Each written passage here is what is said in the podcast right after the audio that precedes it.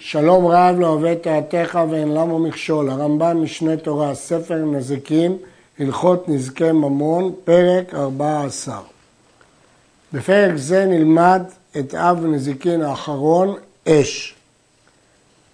המדליק בתוך שדה חברו ועברה הדלקה, חייב לשלם נזק שלם, שנאמר כי תצא אש, שלם ישלם המבעיר את הבעירה. והבעירה מאבות נזיקיני. המקרה פשוט של אב נזיקין של הבערה זה כשהוא הבעיר בתוך שטח חברו. הבערה נעשתה באיסור והוא חייב על נזקיה. הדליק בתוך רשותו, צריך להרחיק מסוף המצר כדי שלא תעבור הדלקה לשדה חברו. וכמה שיעור ההרחקה, הכל לפי גובה של דלקה. ואם לא הרחיק כראוי, ועברה אש והזיקה, חייב לשלם נזק שלם.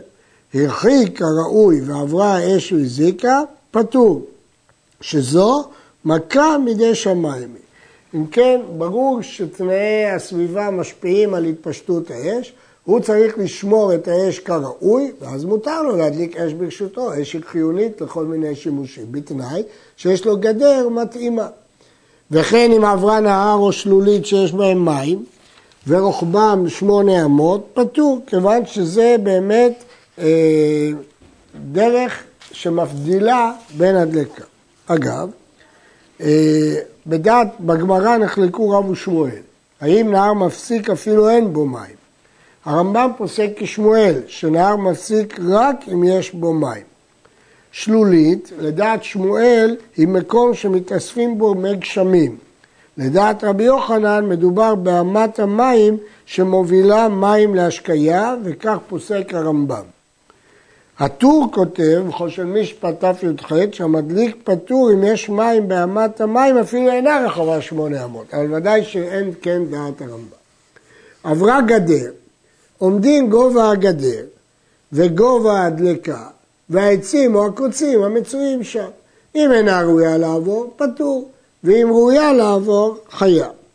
הגמרא נתנה שיעור גובה של ארבע אמות, אבל הרמב"ם פוסק שהכל לפי הדלקה, זאת דעת רבי שמעון, שצריך לתלות את זה בגובה הגדר, בגובה העצים, בגובה הדלקה וכדומה. במה דברים אמורים? באש הקודחת. מה זה קודחת? שאין שלהבת גדולה. האש שורפת ממקומה. קודחת, מסביר הערוך, אש מקומית. אבל אם היה לה להב גדול, העולה ונכפף מגובה עליית הלהב, והיו העצים מצויים שם, אין לה עומד, אלא אפילו עברה אלף אמה חייב, כי כל אחד יודע שאש כזאת מתפשטת במהירות, ולכן היא לא נקראת שמורה. נפלה דלקה בחצרו, ונפל גדר שלא מחמת הדלקה. ועברה והדליקה בחצר אחרת. האש הייתה גדורה, אבל הגדר נפל.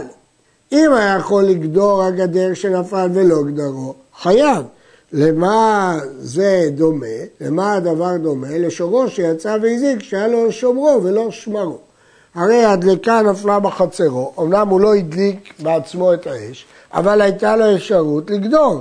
וכיוון שהייתה לו אפשרות לגדור, אז הוא כאילו לא שמע, כמו בשור, שהוא היה חייב לשמור עליו, גם באש הוא צריך לשמור. מה שהרמב"ם משווה את זה לשור, ישנה מחלוקת רבי יוחנן ויש לקיש, אם אישו חייב משום ממונו כמו שורו שהזיק, או משום חיציו, שזה פעולה אישית שלו. אנחנו נראה לקמן שהרמב"ם פוסק רבי יוחנן, שזה חיציו אבל זה גם ממונו. נפלה, השולח את הבעירה ביד חירש שוטה וקטן, פטור מדיני אדם וחייב בדיני שמיים. במה דברים אמורים? שמסר להם גחלת וליבוע, שדרך הגחלת נקבות מאליה קודם שתאהבו את הדליק. כלומר, כיוון שהוא מסר אה, גחלת, הם, הם שומרים עליה, היא שמורה, כי דרך הגחלת להיקוות. אבל אם מסר להם שלבת, חייב, מפני שמעשיו גרמו. זאת מחלוקת בגמרא בין רבי יוחנן ויש לקיש, רבי יוחנן אומר שאפילו בשלבת הוא פטור, אבל להלכה כריש לקיש כי חזקיה כדעתו, ולכן הרמב"ם פוסק כמוהו, של לתת לחרש שוטה וקטן שלהבת זאת פשיעה והוא חייב. שילה, שלח את הבעירה ביד פיקח והוא הבעיר, זה הפיקח שהבעיר חייב לשלם והשולח פטור, כי זה נקרא שמירה, הפיקח הוא שומר. וכן אם הניח שומר לשמור הבעירה, השומר חייב, כמו שלמדנו בכל הנזיקים. אחד הביא את האור ואחד הביא את העצים. יש שותפים ביצירת הנזק, אבל אור בלי עצים לא דולקת, לכן המביא את העצים חייב. אחד הביא את העצים ואחד הביא את האור, המביא את האור חייב, כי עצים בלי אור לא ידלקו. בא אחר ולדבע, המלבה חייב, כי אם יש אור ועצים אבל אין מלבה, יש לו מתפשטת. ליבתו רוח שאינה מצויה תמיד, הרי כולם פטורים. אין הכוונה דווקא ברוח שערה, רוח של אונס, אלא אפילו רוח שדרכה לנשב מפעם לפעם, אבל היא לא מצויה, כבר זה אונס. זאת חקירה בירושלמי, וכך פסק הרמב"ם, שלא העלה על דעתו שהרוח הזאת תלבן. ליבה וליבתו הרוח, אם גם הוא ליבה וגם הרוח ליבתה, חייב, שהרי הוא גרם, וכל הגורם להזיק משלם נזק שלם מן היפה שבנכסיו כשאר כל המזיקים.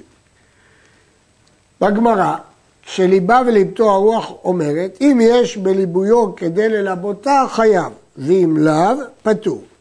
הגמרא הקשתה מדוע בנזיקין פטור ואילו בשבת אם זורה בעזרת הרוח חייב, היא מביאה כמה דעות, ובסוף היא כותבת את תירוצו של רב אשר, שבשבת האיסור הוא מלאכת מחשבת, אבל ליבוי אש הוא גרמה בעלמא וגרמה בנזיקין פטור. הרעב"ד משיג על הרמב"ם שאם כן דבריו אינם כדברי הגמרא, כי אם ליבויו לא היה מועיל לבד אלא באמצעות האש, זה גרמה וגרמה בנזיקין פטור. ברור שהרמב"ם לא פסק כמו התירוץ הזה. הרמב"ם פוסק פה בפירוש שגרמה בנזיקין חייב. הוא חולק על הדלת. אז כל מה שלמדנו פה בגמרא, שאם אין בליבויו של האדם כדי ללמוד פטור, זה לדעת מי שאומר גרמה בנזיקין פטור. אבל הרמב"ם סובר שגרמה בנזיקין חייב, ולכן האש היא באה מחמת עצמו. והגאון מווילנה מוכיח את דברי הרמב"ם שגרמה חייב. יש שמחלקים בתוך גרמה, בין גרמה לגרמה בעלמא. אה, בכל אופן, דעת הרמב"ם מפורשת פה שהגורם להזיק משלם נזק שלם. אש שיצאה ואכלה עצים או אבנים או עפר, חייב לשלם. שנאמר, ומצאה קוצים או השדה, אכלה גדיש וכיוצא בו, והיו כלים טמונים בתוך הגדיש, אם היו כגון מורגים וכלי בקר וכיוצא בהם מדברים שדרך אנשי השדה לטמון אותם בגדיש, חייב לשלם. היו בגדים וכלי זכוכית וכיוצא בהם, פטור על הכלים. ההלכה הראשונה היא, נאכל גדיש או הקמה או השדה. מבעיר חייב אפילו על השדה, על אבנים ועפר, לכחה את העפר והזיקה אותו. הדין השני הוא דין טמון, כלים טמונים בגדיש שנשרף.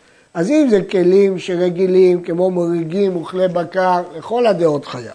אבל אם זה כלים לא רגילים, חכמים דורשים מה קמה בגלוי, אף כל בגלוי, אבל טמון פטור באש, וכך פסק הרמב"ם. לעומת זאת, אה, רבי יהודה חולק, ורבי יהודה מחייב בטמון, אבל הלכה היא כדעת רבנן, שטמון פטור על הכלים. יש שאומרים שלמרות שפטור על הכלים, הוא משלם כאילו יש שם חיטים, כפי שנראה בהמשך. במה דברים אמורים? במדליק בתוך שדה חברו, אבל במדליק בתוך שלו ועברה לשדה חברו, פטור על הכלים הטמונים בגדיש, אבל משלם הוא שיעור מקום הכלים, ורואים אותו כאילו הוא מלא גדיש של חיטים ושל שעורים. זאת אומרת, כאשר הוא מדליק בתוך שדה חברו, הוא פטור על הכלים. אבל אם זה בתוך שלו, אמנם הוא פטור על הכלים, אבל רואים את הגדיש כאילו הוא מלא. אה, המפרשים התלבטו בשאלה הזאת, אה, והוא מסביר ככה, שגם אם הבעיר בתוך חצר חברו שפטור על הכלים שאין דרכם להיות בגדיש, רואים אותם כאילו חיטים אה, שעורים ומשלם את שוויים. אבל כאשר הוא מדליק בתוך שלו, אין הבדל בין כלים שדרכם להניח בגדיש או אין דרכם להניח בגדיש. אז נסכם. כאשר הוא מדליק בתוך שדה חברו, אז החילוק הוא כלים שדרכם להניח בגדיש, פטור. כלים שאין דרכם, אה, שדרכם להניח בגדיש, חייב. שאין דרכם להניח בגדיש, פטור. אבל במדליק לתוך שלו, פטור על הכלים הטמונים בגדיש. אבל הוא משלם אותם כאילו היו גדיש של חיטים ושעורים. המדליק בתוך שדה חברו, ויצאת האש, ונאכל הגדיש, והיה הגדי כפות לו, ועבד סמוך לו ונשרף עמו חייב, שכן דרך בני אדם לעשות בגדיש. המקרים האלה הם לא כמו כלים, טמונים, כי דרך בגדיש לכפות גדי ולסמוך עבד. הרב"ד משיג על טעמו של הרמב"ם. מה זה שייך? וזה לא טמון, זה רק סמוך. אבל פשט המשנה שהיא קשרה את זה, כי הדין של גדי כפות ועבד סמוך כתובים בתוך דיני טמון. ואכן, רבנו תם בספר הישר כותב בפירוש שגדי מוגדר כטמון, כי כל דבר שאין דרכו להיות בגדיש הוא כטמון. היה העבד כפות לו, וגדי סמוך לו ונשרף עמו, פטור. אם העבד כפות לו, הוא חייב על העבד, ולכן הוא פטור על הגדי, כי יש קימלה בדרבא מיניה. כיוון שהוא חייב על העבד, ודאי שהוא פטור על הגדי. לעומת זאת, אם העבד לא כפות לגדיש, היה לו לברוח, אז הוא פטור על העבד, ואז הוא חייב על הגדי ועל הגדיש. כלומר, כאשר הוא חייב על העבד, הוא פטור על הגדי והגדיש, כי הוא חייב מיתה. אבל כשהוא חייב על הגדי והגדיש, אז זה דין ממון רגיל, שהוא פטור על העבד. המשאיל מקום לחברו, והקדיש בו, והטמין כלים, והדליק המשאיל ושרף הגדיש, אינו משלם אלא דמי גדיש בלבד. הוא השאיל לחברו כדי שיעשה שם גדיש, זה מה שהוא העלה על דעתו. אז זה קיבל אחריותו לשמור שממונו לא ידליק את הגדיש, אבל לא עלה על דעתו להיזהר מכלים שטמונים בגדיש. השאילו מקום להקדיש חיטים והקדיש שעורים, או להקדיש שעורים והקדיש חיטים, או שהקדיש חיטים וחיפם בשעורים, או שהקדיש שעורים וחיפם בחיטים. אינו משלם לו אלא דמי שעורים בלבד. למה? כי בעל החצר טוען שהוא נזהר רק משעורים, או כי זה מה שהוא הרשה לו לשים, או כי זה מה שהוא ראה. גם אם הוא הרשה לו לשים חיטים, אבל הוא ראה שהוא שם שעורים, מאיפה לעלות על דעתו שתוך השעורים מונחות חיטים.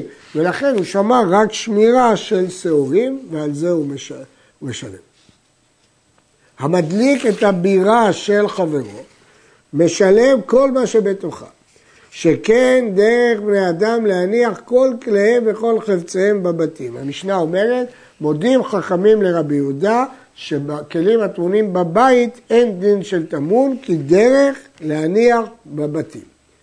ומי יעיד? כל שיתרון בעל הבית, הוא יכול לטעון כמה כלים היו, הרי זה נשבע בנקיטת חפץ, דהיינו נקיטת חפץ של קודש, ספר תורה ותפילין, ונוטל. זאת שבועת הנוטלים, שבועת המשנה, ושבועה זו מדברי סופרים כמו שהתבהר. יש תקנה של המשנה שכל מי שנוטל נשבע בכיתת חפץ. ובלבד שיתרון דברים שהוא עמוד בהם, שהגיוני שהוא שם מגדיש ושיש לו אותם. הוא לא יכול להגיד שהוא שם תכשיטי זהב, אבנים יקרות, כשהוא איש עני. או שהוא עמוד להיות אותם הדברים שהטען פיקדון אצלו. יטען, אמנם אני עני, אבל אנשים מפקידים אצלי חפצים. אז אם אצל בן אדם כזה דרך להפקיד חפצים, הוא עמוד. כיוון שהוא עמוד, אז ברור שהוא יכול לזכות בזה, אבל בשמוע. גמל, שהוא טעון פשטן ועובר ברשות הרבים, ונכנס פשטנו לתוך החנות, ודלקה בנרו של החלבני, והדליק את כל הבירה. בעל הגמל חייב, מפני שהרבה במסוי, בין שעמדה הבהמה, בין שלא עמדה. ההיות והמסור יהיו רב, אין קשר בין אם עמדה או לא עמדה, בכל מקרה הוא חייב, ואני לא מאשים את החנווני, אלא בעל הגמל פשע. הניע החנווני נרו מבחוץ, כלומר החנווני פשע, כי הוא שם את הנר מבחוץ, היה צריך לשמור, חייב אף בדמי פשתן, פני שהניח נרו מבחוץ, אז הוא חייב גם על השרפה וגם על הפשתן, זה הכל אחריותו. ואפילו נר חנוכה, היה לו לשב ולשמור. יש דעה במשנה, שרבי יהודה אומר בנר חנוכה פטור מפני שיש לו רשות, אבל דעת הרמב"ם, ההלכה היא שגם כשיש רשות לעשות מעשה מסוים, הרשות לא פותרת מחיובי נזיקים. הכופף קמתו של חברו לפני האש עד שתדלק. אם אין האש מגעת לה, אלא ברוח שאינה מצויה, פטור מדיני אדם וחייב בדיני שמיים, כי הוא לא העלה על דעתו שתהיה רוח שאינה מצויה. אבל ברוח רגילה מנשבת, עצם הכפיפה שלו זה כאילו מבעיר. אין הבדל אם הוא מקרב אש לקמה או מקרב קמה לאש. לא רואים את זה כגרמה, רואים את זה כמבעיר. אבל כיוון שזה פה רוח שאינה מצויה, לכן פטור מדיני אדם וחייב בדיני שמיים. והטומן קמתו של חברו בעפר או בתבן, ועברה האש ואכלה אותה, הרי זה הטומן פטור מדיני אדם. והחייב בדיני שמיים, מפני שהמדליק את האש פטור על הטמון. הוא גרם שהמבעיר לא ישלם, כי טמון פטור. אז כיוון שהוא גרם את זה, אז בידי שמיים מחייבים אותו. אבל בידי אדם לא התחייב, כי הוא לא עשה שום נזק בזה שהוא טמן, הוא רק גרם לנזק, כי המזיק לא ישלם. על הגרמה הזאת הוא חייב בדיני שמיים. אש שעברה והזיקה את האדם וחבלה בו, פצעה את האדם, הרי המבעיר חייב בנזקיו ובשבטו ובריפויו ובצערו ובושתו כאילו זיקרו בידו. ובכן יש פה חידוש, הוא חייב בחמישה דברים, אבל מי חייב בחמישה דברים? רק אדם המזיק, פה זה אש. אף על פי שאישו ממונו, הרי כמי שהזיק בחיציו. כך אנחנו פוסקים למסקנה כרבי יוחנן, שזה גם חיציו וגם ממונו. ולכן, אם זה חיציו, זה ממש נזק של אדם המזיק. אבל אם הזיקה בהמתו או בורו את האדם, אינו חייב אלא בנזק בלבד, כמו שביארנו. יש להעיר שהתאמת ההלכה הזאת אל הגמרא היא קשה קצת, אה, כי אש מוגדרת כממונו וכחיצה, ובסוגיית הגמרא להתאים את דברי הרמב"ם התקשו המפרשים. הגאון מווילנה בביאור הגר"א פירש פירוש נפלא שמסביר כיצד דברי הרמב"ם מתאימים לדברי הגמרא. יש שאלה, כיצד ניתן לחייב את המבעיר בבושת? הרי אינו חייב בבושת עד שיהיה מתכוון, ופה הוא לא התכוון להזיק. אלא אם נאמר שהוא התכוון פה להזיק כמי שהבעיר בידיו, וצריך עיון. כל תולדות האש הרי הן כאש, כיצד? הניח אבן או סכין או מסע בראש גגו, ונפלו ברוח מצויה והזיקו, חייב לשלם נזק שלם, שכל אלו וכיוצא בהם תולדות הבעירה הם, ואם נפלו ברוח שאינה מצויה והזיקו, פטור. אבנו סכינו ומסעו שניחן בראש גגו, הרוח גורמת, רוח מצויה שהם יפלו, זה כמו אש, שהרוח גורמת שהם יתפשטו, זה תולדות האש, חייב לשלם נזק שלם. אבל אם רוח שאינה מצויה, פטור כמו באש עצמה. עד כאן. בריך רחמנא דסיאן, סיימנו הלכות נזקי ממון ברמב"ם.